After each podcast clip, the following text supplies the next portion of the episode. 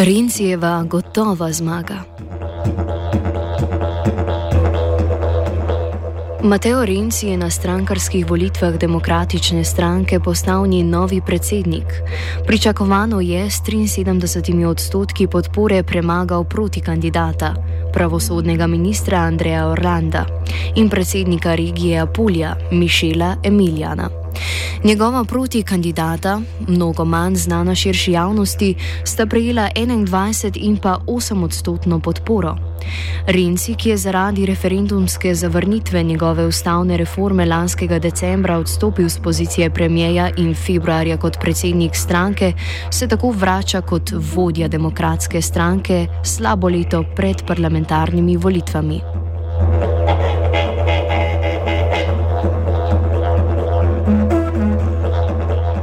Na deset tisoč voliščih po državi je svoj glas oddalo dva milijona podpornikov demokratične stranke. V Italiji za predsednika stranke namreč lahko glasuje vsak državljan, ki plača 2 evra. Leta 2013, ko je na strankarskih volitvah prav tako zmagal Mateo Renci, je za njega glasovalo 2 milijona 700 tisoč podpornikov stranke.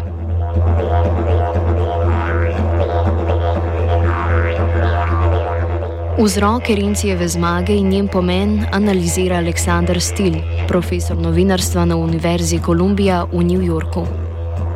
Well, it's a combination of things. It's not just um, a program, but it's also him as a person. He, um, I mean, he undertook a kind of uh, program of what you might call centrist reform uh, of the Italian state when he was prime minister and he's uh, proposing continuing that.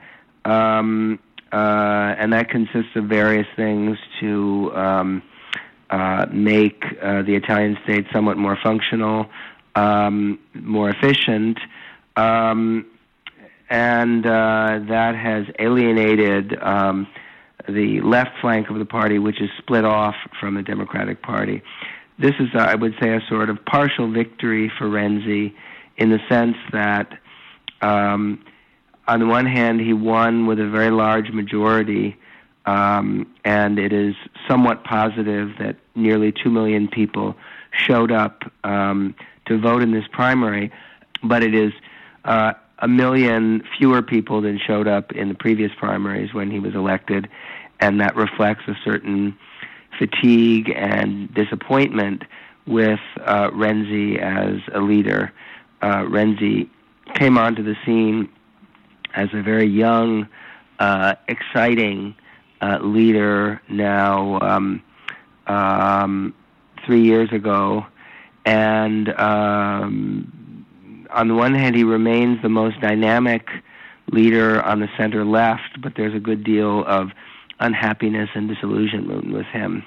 Um, and so this is a kind of sober partial victory uh, rather than a, a big triumph. Mojca Širok, nekdanja dopisnica iz Italije za RTV Slovenija, pa dojima volilno udeležbo kot pozitivno presenečenje in dober signal za Mateja Rencija. Gre za neko veliko osebno zmago za Mateja Rencija. Ne samo zato, ker je zmagal na teh volitvah, ampak zato, ker je s temi volitvami uspel na nek način motivirati tolikšno število ljudi, da so se volitev sploh udeležili. Torej, dva milijona voljivcev, uh, članov demokratske stranke, ki so za to, da so lahko volili tudi plačali tista dva evra, je proti pričakovanjem. Še celo sam Renci je štartal na zelo nižjo številko, ko je napovedoval, da bo po njegovem mnenju uspeh že če se bo volitev udeležilo milijon ljudi. Kaj je on ponudil več od njegovih protikandidatov, je v bistvu, bi rekel, v tem trenutku nepomembno vprašanje, ker je dejstvo, da ona dva že od vsega začetka nista imela veliko možnosti proti njemu. Kaj pa lahko ponudi v širšem italijanskem političnem spektru, je pa seveda veliko vprašanje in mislim, da tudi tukaj tiči odgovor, zakaj se je toliko ljudi udeležilo teh volitev. V italijanskem političnem prostoru vlada ena zelo velika praznina. In velik del italijanskega volivnega telesa se dejansko boji, da bi to praznino lahko zasedlo gibanje petih zvez eh, kabaretista Bepeja Grilla. Gibanje petih zvest, populistična, evroskeptična in antiglobalistična stranka namreč pridobiva na moči.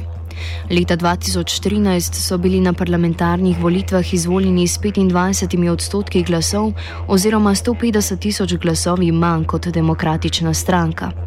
Leta 2016 pa sta predstavnika strank postala župana Rima in Torina. Mojca Širok primirja gibanje petih zvest z drugimi populističnimi evropskimi strankami. V Italiji, z razliko od drugih evropskih držav, vi nimate neke močne desničarske politič, eh, populistične stranke, ki bi temeljila na ksenofobiji, na protievropejstvu. V Italiji ta prostor načeloma vsebinsko zaseda Severna liga, ki pa ima po številu voljivcev in številu volivne podpore ki, in višini volivne podpore, ki jo lahko zbere zanemarljivo nizek vpliv v primerjavi z Marine Le Pen v Franciji ali Wildersom, uh, Wildersom v, v, v, na nizozemskem ali celo Frauke Petri v Nemčiji. In eh, prav zato je v Italiji ta situacija v tem trenutku, bi rekli, nekoliko lažja uh, kot v teh državah, ki sem jih omenila, ker ta prostor zaseba gibanje petih zvest, ki sicer je uh, populistično, vendar ne na ta desničarski, ksenofobni način kot druge stranke, ki sem jih prej omenila.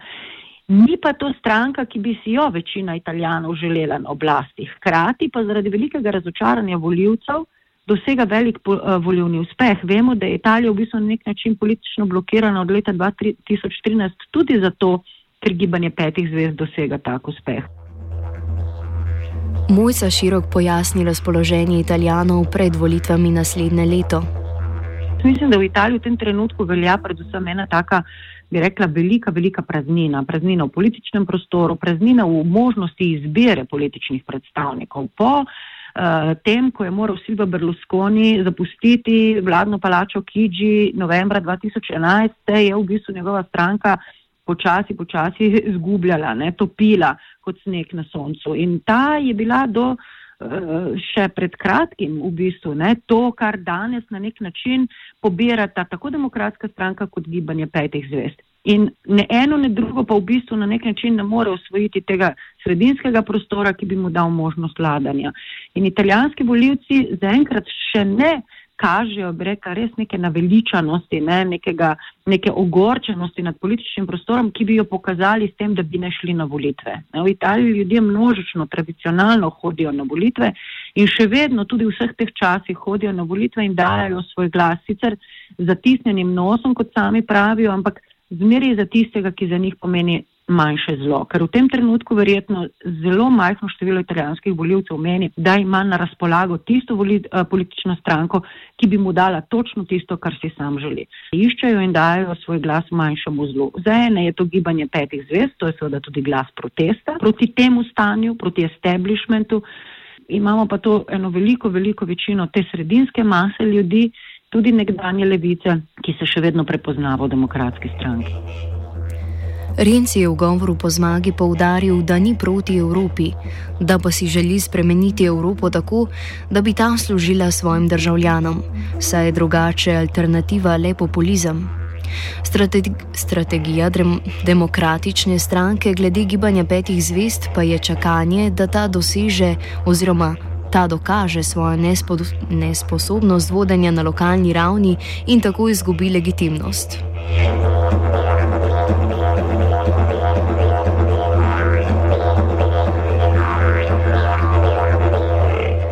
Renci je po volitvah obljubil tudi poenotenje stranke in njenih stališč. Levo krilo stranke, nezadovoljno z vodenjem Rencija, je namreč že po propadu njegove ustavne reforme odstopilo in ustanovilo novo stranko napredno in demokratično gibanje.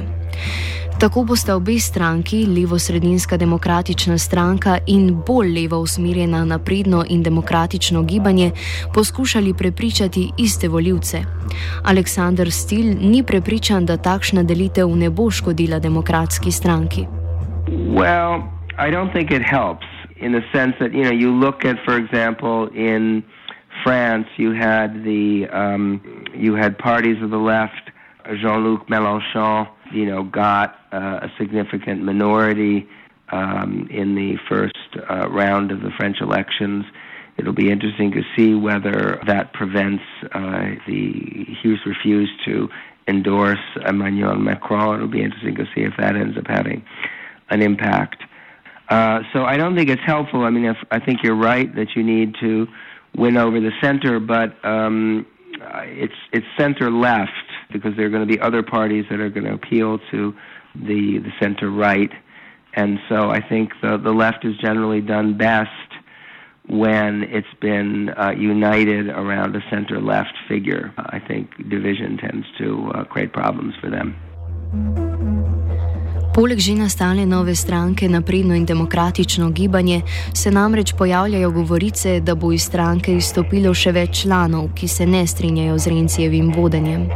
Mojca širok na razklanost ne gleda tako črnogledo kot stil in v njej vidi priložnost za Rencija. To mu v bistvu samo koristi ne, na nek način, ne, ker on se, na, on se s tem v bistvu znebi neke notranje opozicije v stranki in po drugi strani je mogoče potem stranka tudi privlačnejša za te sredinske voljivce, o katerih sem prej govorila, ki pač ne marajo skrajnosti. Ne. Je pa treba vedeti, da je demokratska stranka že po svoji naravi notranje konfliktna stranka, stranka, ki je sestavljena iz tisočine nastruje.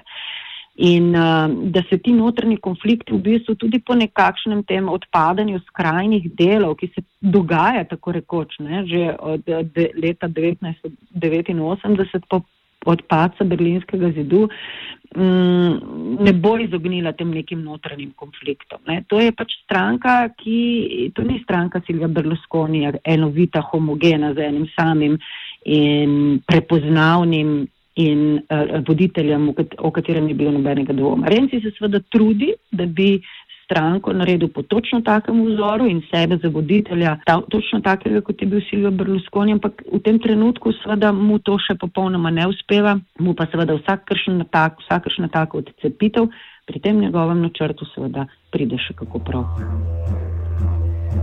Poleg poudarjanja poenotenja stranke, pa Renci med kampanjo oziroma med kampanjo ni izključeval povezave s stranko Naprej Italija, nekdanjega premijeja Berlusconija.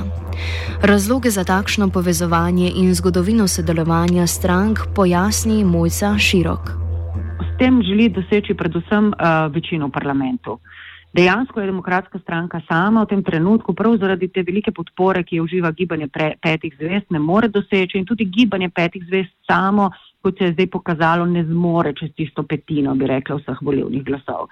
In uh, v Italiji je vedno veljalo, da bo vladal tisti, ki bo obladoval politično sredino. Italijansko volivno telo je tradicionalno, konservativno, tradicionalno sredinsko. Obe politični skrajnosti, desna in leva, nista nikoli zmogli doseči politične večine. Desna sploh, ker je bila dolga leta marginalizirana, leva pa tudi zato, ker je bila umetno, bi rekla, potisnjena ne, stran od oblasti vsa ta povojna leta. In se pravi, po letu 45 so imeli najprej 50 let krščanske demokracije, ki je obvladovala ta prostor. Z leta 92, ko se je ta politični sistem sesul v korupcijskih škandalih, je nastal prazen prostor, ki ga je takoj uspešno zasedal Silvio Berlusconi in naslednjih 20 let obvladoval to politično sredino.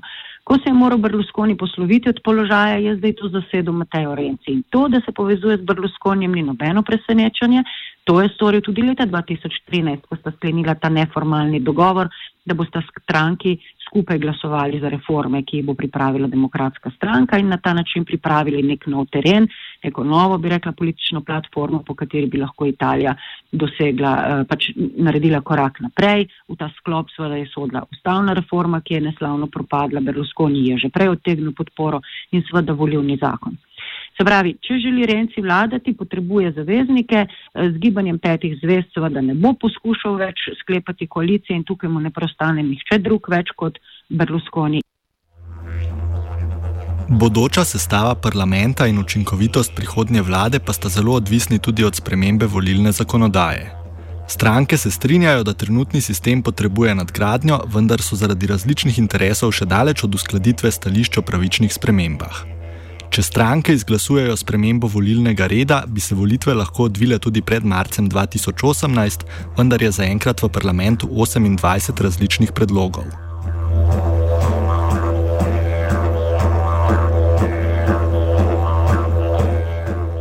Aleksandr Stil predstavi trenutni sistem in nasprotujoče si zahteve demokratske stranke in manjših parlamentarnih strank. Really has a kind of uh, hybrid system at the moment, which is partially proportional but gives a certain uh, bonus to the larger parties, and it makes it slightly easier to govern. Um, Renzi, among his among his sort of administrative reforms, wants to give Italy um, something closer to a majoritarian system, which would allow the largest party a considerable bonus uh, if it receives over 40% of the vote. It would then have the ability to govern with um, without having to uh, align itself uh, with other forces. Um, the smaller parties, for reasons that are, are fairly obvious, resist that sort of change because it would put many of them out of business. And um, so it's not at all clear, it still remains to be negotiated what law, electoral law, Italy would vote for uh, in, its next, in its next election, which is likely to take place in 2018. Mojca Širok predstavi, zakaj je sprememba volilne zakonodaje zelo pomembna in oceni verjetnost sprejema kompromisa glede volilne zakonodaje. Ključno pa je zdaj v tem trenutku, kdaj bodo italijani, se pravi parlament, uspel sprejeti novo volilno reformo, kajti brez nje tudi nove volitve v bistvu v tem trenutku niso mogoče, ker ne bi prinesli nobene spremembe, predvsem pa nobene trdne vlade. To bodo seveda poskušale vse politične sile v tem trenutku doseči, jaz pa mislim, da je kompromis na tem področju tako ne, um, zelo, zelo malo verjeten oziroma bo moral biti zelo velik kompromis, da se bodo za njega odločili. Dejstvo pa je, da, ga, da nov volilni zakon vsi potrebujejo in da ne bodo mogli na volitve brez njega. Jasno pa je, da si vsaka stranka v tem procesu, tudi tista najmlajša, najmanjša, po svoje predstavlja, kakšen naj bo ta volilni zakon seveda v skladu s tistim, za kar sama meni, da ji bo pomagalo pri zmagi oziroma doseg, dosegi čim večjega števila volivnih sedežev. Tako da je zdaj pred, bi rekla, in vlado premija Gentilonija in demokratsko stranko novega, starega novega sekretarja Rencija zagotovo veliko izzivov. Offside je pripravila Gea.